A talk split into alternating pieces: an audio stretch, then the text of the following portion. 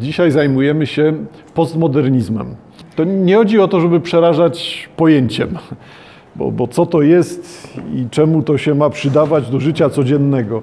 No, nie na tym polega. Raczej prosiłbym o to, żeby potraktować to jako e, oczywiście ro, rozpoznanie bo za bardzo się nie da. No, sami Państwo widzicie, mam przed sobą książkę, do której będę dzisiaj sięgał. Postmodernizm, antologia przekładów pod redakcją Ryszarda Nycza. To jest no, kilkadziesiąt, ponad 20 chyba, e, tekstów, 550 stron, w zasadzie definicji. No więc y, trudno jest 550 stron definicji ująć w czymś tak krótkim, jak dzisiejsze spotkanie. Trzymajmy się tego, że raczej ma to charakter rozpoznania i to też nie jakiegoś rozpoznania e, badawczego czy odkrywczego, tylko raczej chodzi o to, żeby złapać czystą praktykę, po prostu do czego to ma służyć. I teraz, jeżeli przejrzymy sobie takie podstawowe pojęcia, zaczniemy od modernizmu, jak przystało na to, co ma ponad 100 lat już, raz będzie, że więcej. Zaczniemy od modernizmu, przejdziemy sobie pewnie płynnie w coś, co nazwiemy strukturalizmem. Za chwilkę pojawi się poststrukturalizm, potem pojawi się oczywiście postmodernizm, a część postmodernizmu to feminizm, a z kolei idea, która u nas dopiero pojawia się jakby w literaturze czy kulturze polskiej, ale na świecie obecna jest od kilkudziesięciu lat, to postkolonializm. Co to ma wszystko wspólnego z nami? Po pierwsze, dla mnie bardzo interesujące jest to, co zaszyfrowane jest w tych datach. Będę głównie odwoływał się do książki Terego Igeltona Teoria literatury. Zwróćcie Państwo uwagę na to, jak to wygląda u niego. Kończy książkę, pierwsze podejście, pierwszy porządek tej książki, pierwsza publikacja w 1983 roku. Ale potem wraca do niej kilkakrotnie, ostatecznie zamyka pracę nad tą książką w 2008 roku, dopisując kolejne zakończenia, posłowia, wnioski, podsumowania. Więc ta książka pisana jest w momencie tych gwałtownych przemian w Polsce 80-81 rok. Ukazuje się, czy zamknięta jest do druku w 82 roku. I będziemy to w tekście też słyszeć czasem u, u Igeltona. Potem z kolei mamy przemiany, no więc tam Polski nie szukajmy za bardzo, bo to w końcu jest książka pisana o stanie globalnym, a nie o tym, co się dzieje ściśle w Polsce ale okaże się, że to, co dla Igeltona jest przeszłością, on już w 1982 roku pisze o pewnych zamkniętych cyklach, zamkniętych działaniach. Tam po prostu nic więcej nie będzie. To się kończy, musi być coś nowego, on jeszcze nie wie co, proponuje swoje, ale nic nowego się tam nie pojawia. I potem się okazuje, że te diagnozy dotyczące tego, że to jest już zamknięte i tam nic więcej nie ma, okazują się jednak nie takie. Coś tutaj wygląda inaczej.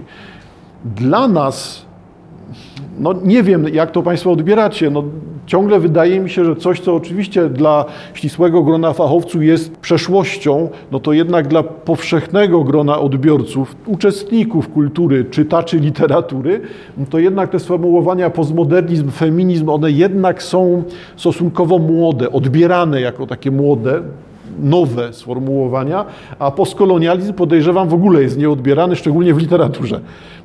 Nie ma tego jakby w tym, w tym masowym odbiorze. Tylko tyle, że z punktu widzenia e, globalnego to naprawdę musimy ze 40 lat wstecz zrobić. Zaskakujące, bo wyglądałoby na to, że wszystko to powinno być przemyślane, zjedzone i obecne od dawna w Polsce. No ale okazuje się, że tak nie jest. Czy rzeczywiście zmiany, które to opóźnienie, tak je nazwijmy, ono trwa już i trwa, nie, nie wiem, od stuleci, tak to wygląda, to opóźnienie, które ma miejsce w Polsce, może być związane oczywiście ściśle z tymi momentami, które wszyscy rozpoznajemy. Czyli mamy przełom lat 80., 90. w Polsce.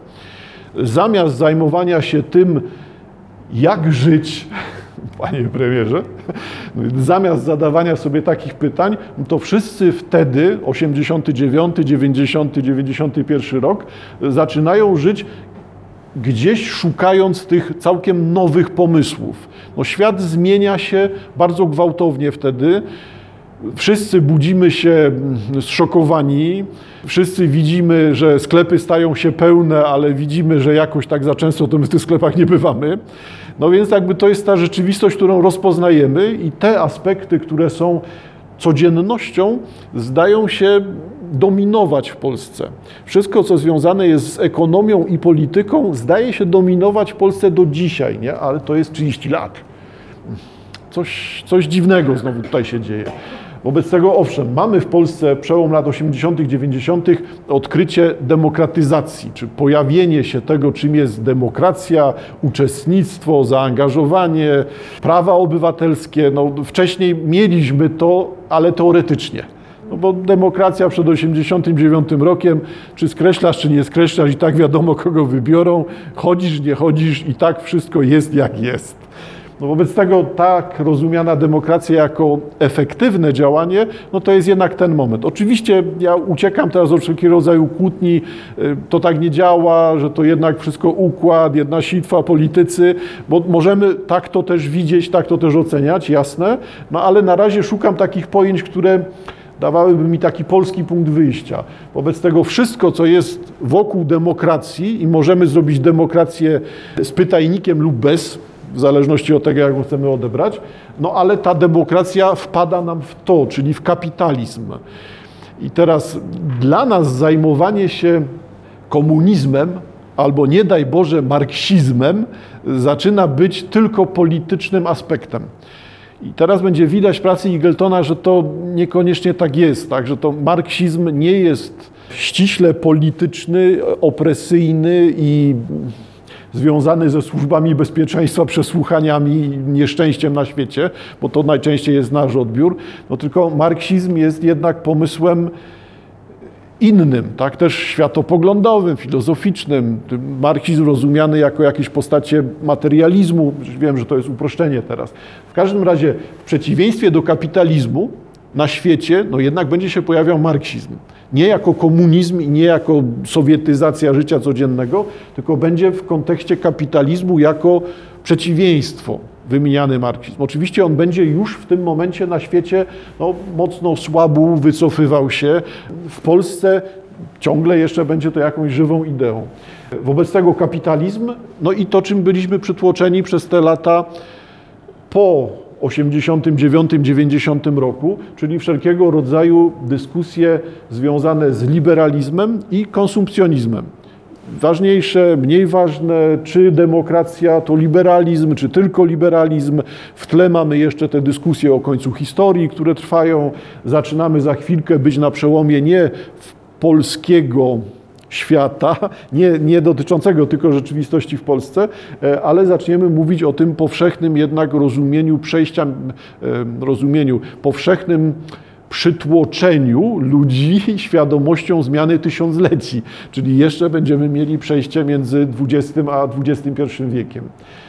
Może to wszystko sprawiło, że Polska nasza świadomość, nasz odbiór świata no, sprowadził się głównie do tych aspektów kapitalizm, dziki kapitalizm, jak to w Polsce było nazywane. I do tego i ta sytuacja sprawiła być może to, że byliśmy przytłoczeni tylko tymi aspektami życie, przetrwanie, finanse, jak to wygląda, że ceny te same, a dochody nie w Europie. No, wszyscy rozumiemy sytuację, sytuacja trwa do, trwa do dzisiaj. W tym czasie właśnie wiele rzeczy zamknęło się na świecie, odeszło w przeszłość i pytanie, czy pojawiło się coś nowego, bo nawet wokół tego postmodernizmu, feminizmu czy postkolonializmu, za chwilkę będę wyjaśniał, na czym to polega, też na świecie trwają dyskusje, czy to jest stan aktualny, czy to wszystko nie jest już jakąś przeszłością. Dla nas będą to rzeczy, dla nas w sensie polski punkt widzenia, będą to rzeczy stosunkowo świeże i pojawiające się hmm, na pierwszym planie, w głównym nurcie wszelkiego rodzaju dyskusji i publikacji od niedawna. Jednak na świecie będziemy już na to patrzyli z dużym dystansem. Co ciekawi mnie, co sprawiło, że sięgnąłem po ten termin postmodernizm, bo mamy ciekawy moment moim zdaniem, jeżeli okres otrzymuje wyraźną nazwę, no a tak się składa, że żyjemy w czasach postmodernizmu. No więc jeżeli dany czas historii, kawałek historii otrzymuje swoją nalepkę, swoją nazwę, to możemy się z nim żegnać. Wobec tego Jeżeli coś już ma nazwę, jest zamknięte, skodyfikowane, ustalone, można tam sprawdzić, przeanalizować, porównać, ale w zasadzie mamy do czynienia z czymś, co zamiera. No to pytanie, które mnie ciekawi, brzmi: no to powinno już być coś nowego. I jakoś nie widzę. Ale może to polegać na tym, że jestem tak mocno przez te kilkadziesiąt lat korzeniami w postmodernizmie, że to sprawia, że ja nie widzę tego, co jest nowe jakiegoś nowego, nowego pomysłu, idei, czegoś, co sprawiałoby, że, że już widzimy początek nowej epoki, nowego czasu. No więc albo jej nie ma, albo nie widzę. Bardzo możliwe, możemy się spierać. Z punktu widzenia Terego Eagletona, on pisze ewidentnie o przeszłości. Nawet jeżeli dociera do tych zjawisk, oczywiście postmodernizm wiadomo, ale feminizm czy postkolonializm, to pisze o pewnych świadomościach, pomysłach, mm, literackich realizacjach tego, ale przeszłych. No to no dobra, rozumiem, że wracać znowu do tego, że Polska to ma tą taką poślizg kilkadziesiąt lat, hmm, no ale nie muszę siedzieć w Polsce, po prostu nie, nie, teraz nie zajmuję się ściśle Polską, że Polska jest ta opóźniona, tylko w tym ujęciu globalnym też ja tych nowych nurtów nie widzę. Jakby dalej obracamy się w kręgu postmodernizmu i nawet jeżeli sięgniemy do rzeczy zupełnie banalnych, no, tak się poskładało, że powiem szczerze, przypadkiem, ale tak się poskładało, e, wylądowałem w kinie na ostatnim Matrixie. Jest taki cykl, tak, to już czwarty kawałek tego Matrixa. No i co? I postmodernizm. No to coś, co ma kilkadziesiąt lat, dalej jest tylko postmodernizmem, jakby obracamy się w miejscu, już tylko mamy to, co jest ustalone, skodyfikowane, kręcimy się w kółko, no to jeżeli tak jest, no to, no to to nowe powinno być już, ale go nie widać. E, no tak jak z tym Fukuyamą, który ogłosił koniec historii, może tak samo trzeba ogłosić tu koniec kultury. W, tekście, w kontekście też koniec literatury, że tu już nic więcej nie będzie. Zamkniemy swoje kolekcje książek, one staną się zaraz zbiorami zakończonymi. Nie wiem, czy ktoś współcześnie zbiera znaczki pocztowe, bo zdaje się, że to jest właśnie ta sytuacja, te zbiory już się skończyły, no nie ma czego zbierać. Jakby nie funkcjonuje znaczek. Znaczek jest już tylko formalnością i zresztą związany jest z zamówieniem, także nie funkcjonuje jako seria, jako produkt graficzny, jako rodzaj no, sztuki jednak, tak? no, specyficznej sztuki graficznej, no ale jednak sztuki graficznej. Dziwne miejsce, dziwny czas. E, stąd może orientacja w tych postach albo w tych izbach da nam świadomość tego, kiedy żyjemy, da nam świadomość tego, to lubię, albo świadomość tego, no tego nie cierpię. Może też tak być. Ale te pojęcia, no szczególnie w Polsce, są żywe no i wyglądają na to, że są w Polsce też odkrywane.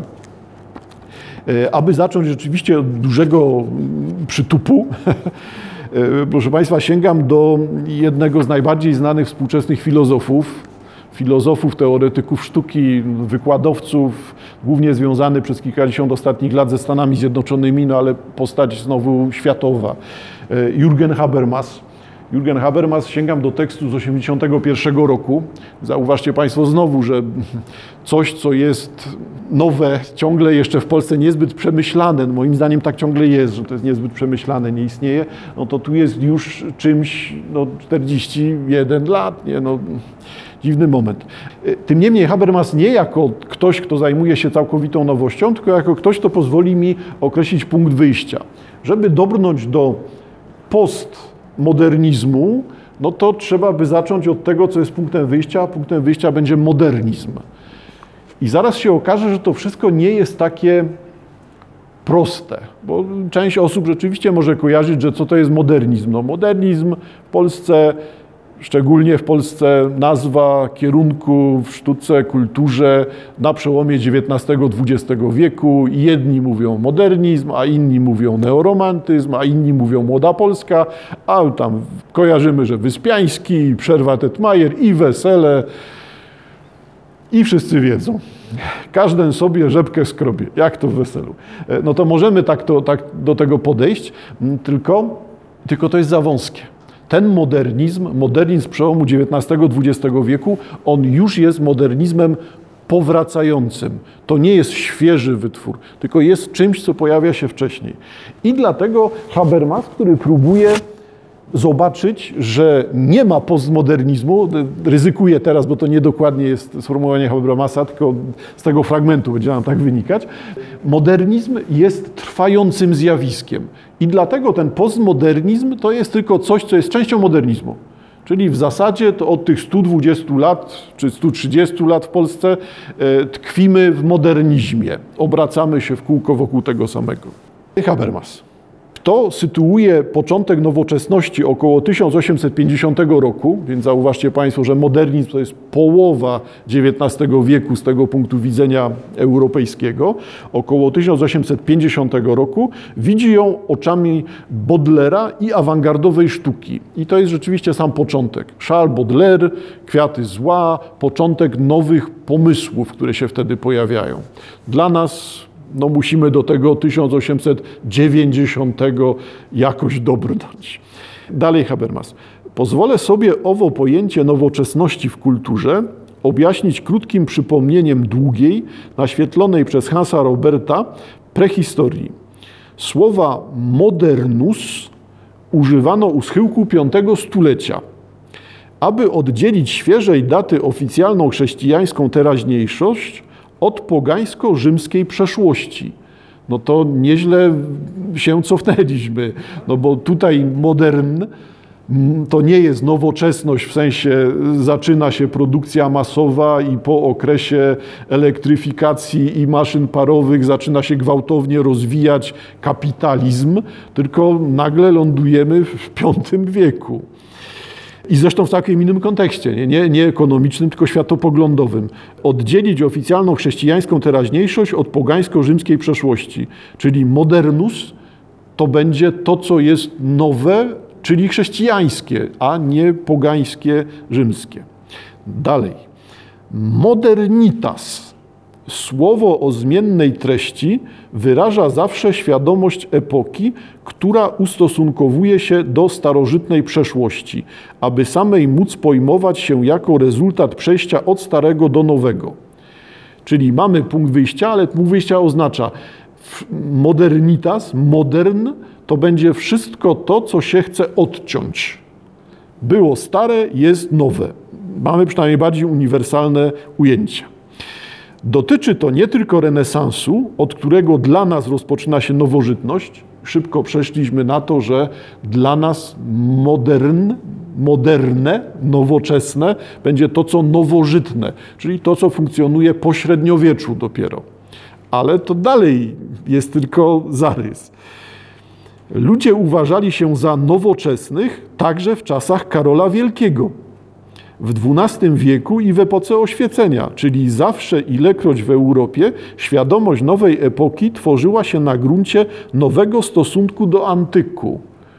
I tu jest ciekawy punkt, do którego dochodzi Habermas. Modernistyczne to jest wszystko to, co mówi, my nie jesteśmy tradycją grecko-rzymską. Pytanie teraz, czy tradycja judeo-chrześcijańska nie jest jednak tradycją również grecko-rzymską. Zaczyna sprawa wyglądać w sposób bardzo skomplikowany. Antiquitas. Antiquitas zaś, aż do słynnego sporu nowożytników ze starożytnikami, to jest zwolennikami klasycystycznych gustów, toczącego się we Francji u schyłku XVII wieku, uchodziła za normatywny i zalecany do naśladowania wzór. Dopiero wniesione przez francuskie oświecenie ideały doskonałości, natchniona przez nowoczesną naukę wizja nieskończonego postępu poznania i kroczenia ku coraz lepszym stosunkom społecznym i moralnym, powodują, że magiczny wpływ, jaki klasyczne dzieła świata starożytnego wywierały na ducha kolejnych nowoczesnych, bo tutaj ta nowoczesność jest w tym momencie stanem powracającym. Nie ma nowoczesności typu właśnie 1890-1918 zamknięte, odizolowane, tylko modernistyczne to jest wszystko to, co falami wraca w kontekście, w opozycji do tego, co jest minione do grecko-rzymskiego antyku. Czyli klasyczne dzieła świata starożytnego wywierały na ducha kolejnych nowoczesnych, stopniowo traci znaczenie. Wreszcie nowoczesność, przeciwstawiając klasyczności romantyzm, znajduje sobie własną przeszłość w wyidealizowanym średniowieczu. I znowu jest ta zaskakująca przesiadka, bo w takim razie modernistyczny jest również romantyzm, bo mówi: Ja nie jestem, nie mam nic wspólnego z tradycjami grecko-rzymskimi, no to jest jednak ten klasycyzm taki oświeceniowy, to w takim razie modernistyczny jest romantyzm, a romantyzm to jest coś, co przecież ma swoje ideały w tych wszystkich rycerskich romansach, które kojarzymy. Wobec tego wygląda na to, że średniowiecze jest wzorem dla romantyzmu, czyli wzorem dla modernizmu, ale przed chwilą było, że dla nas modernizm zaczyna się od renesansu. Widać, że te pojęcia zaczynają być tutaj bardzo splątane z sobą. W ciągu XIX wieku tenże romantyzm wyłania z siebie zradykalizowaną świadomość nowoczesności, która odrywa się od wszelkich odniesień historycznych i zatrzymuje dla siebie już tylko abstrakcyjną opozycję wobec tradycji, wobec historii w ogóle. I tu jest ciekawy moment, do którego dochodzi Habermas, pokazując go na pierwszym planie. Co to znaczy? Ideą cechą, punktem wyjścia dla modernizmu jest to, że nie ma nic wspólnego z historią. I dlatego wszystkie te klucze, które zastosowaliśmy, to są klucze chybione, bo modernizm mówi, a my, bo modernizm mówi o sobie, a my jesteśmy obok. Nie jesteśmy historyczni. Zostawmy średniowiecze, renesans, e, klasycyzm francuski, a my jesteśmy gdzie indziej. Wobec tego modernistyczne zatrzymuje dla siebie tylko tą opozycyjność wobec tradycji, wobec historii. Modernistyczny jest ten, kto odcina się od historii w ogóle, podważa historię, mówi, historia nie istnieje i nie ma tradycji. My jesteśmy zawsze nowi, zawsze jesteśmy odkrywcami i wtedy mielibyśmy modernistów. Jeżeli przymierzymy sobie taki sąd Habermasa do polskiej literatury, okaże się, że pasuje. Bo zauważcie Państwo, że na czym polega modernizm, modernizm polski, mam na myśli tutaj modernizm, neoromantyzm, młodą Polskę. No to jest ten kult artysty, który jest geniuszem, twórcą, zaczyna od zera wszystko, jest pierwszy, jedyny, niepowtarzalny. Wobec tego pasuje do modernizmu polskiego, jeżeli trzymamy się ściśle tego okresu 890-918. Wobec tego wygląda na to, że gra. Tylko teraz, co zrobić z tym dalej? Jak z tak zarysowanego modernizmu przejść na to, co jest naszą, naszą współczesnością? I zaczyna się rzeczywiście sytuacja pod górkę, e, bo przesiadka pomiędzy nami a młodą Polską, no to jest te właśnie no 130 lat maksymalnie, tak, 120, 110, w zależności od którego momentu będziemy liczyć. Zmieniamy źródło. Sięgam do Terego Igeltona, teoria literatury, ale mnie bardziej interesują te właśnie aspekty dotyczące tego, na czym polega zmiana, gdzie tutaj coś uległo przekształceniu. Jesteśmy w latach 80. w Polsce i jak to będzie u niego brzmiało. Pojawiają się tutaj dyskusje na temat tego, a o co w ogóle chodzi współcześnie w kulturze, czym jest współczesna literatura. Tylko proszę pamiętać, to jest ta e, współczesna 40 lat temu, tak? No ale dla nas dalej będzie to otwartym zagadnieniem. Akademickie wydziały literatury są więc częścią ideologicznego aparatu współczesnego państwa kapitalistycznego. I teraz Państwo zauważcie, brzmi ciekawie, bo to będzie oznaczało nie ma samodzielności w tej nauce. Oznacza to, że zawsze akademickie wydziały literatury realizują ideologię zlecaną za zewnętrzne pieniądze. Jak kapitał ustali, takie wykłady będą. Pieniądz rządzi czytaniem literatury. Dla nas zaczyna to już być też oczywistością że nie o wartość dzieła, trzymajmy się już tylko literackiego, dzieła literackiego chodzi. Chodzi o to, ile włożone jest pieniędzy w promocję nazwiska, wizerunku, okładki, wydarzenia, które towarzyszy książce, a wtedy pojawia się literatura czytana przez ludzi, która może być słaba, delikatnie mówiąc, ale będzie masowo czytana. No wobec tego, e, tylko ten sąd jest podsumowaniem czegoś, co wydarza się e, powiedzmy od II wojny światowej do końca lat 70., no bo to jest ten punkt widzenia książki Igeltona. No, on jest w tym momencie. Czyli kapitalizm, ideologia rządzi literaturą nie stanowią wiarygodnego aparatu, te akademickie wydziały, nie stanowią wiarygodnego aparatu, ponieważ po pierwsze humanistyka obejmuje wiele wartości, znaczeń i tradycji, które są antytetyczne wobec społecznych priorytetów państwa oraz bogate w mądrość i doświadczenie, jakich państwo nie ogarnia swoich zrozumieniem. Czyli krótko mówiąc wskazuje na to, że humanistyka jest większym zagadnieniem niż ustalanie na tej książce musimy zarobić, no bo to jest ten punkt wyjścia kapitalistyczny. Po drugie, jeśli pozwolić młodzieży, by przez kilka lat nie robiła nic oprócz czytania książek i rozmawiania ze sobą, może tak było w Stanach w latach 80., ale wiecie Państwo, no marzenie. No ale gdyby ta młodzież chciała czytać książki, cóż, jeśli pozwolić młodzieży, by przez kilka lat nie robiła nic oprócz czytania książek i rozmawiania ze sobą, to może się zdarzyć, że w pewnych szerszych warunkach historycznych młodzi zaczną nie tylko kwestionować niektóre z przekazanych im wartości, ale także przepytywać autorytet, który je przekazał. To oznacza, jeżeli uwolnimy wydziały, uwolnimy sztukę, kulturę, dyskusję wokół tego, uwolnimy system wartości, to oznacza, że możemy skreślić wszystko, co było do tej pory. I rzeczywiście to jest ten modernistyczny sposób myślenia. Skreślmy historię, odrzućmy tradycję. Nie ma oczywiście nic złego w kwestionowaniu przez studentów podanych im wartości, ale wymaga tego od nich sens kształcenia, a nawet wymaga tego od nich sens kształcenia wyższego. Niezależne myślenie, krytyczna niezgoda, racjonalna dialektyka to część materiału ludzkiej edukacji.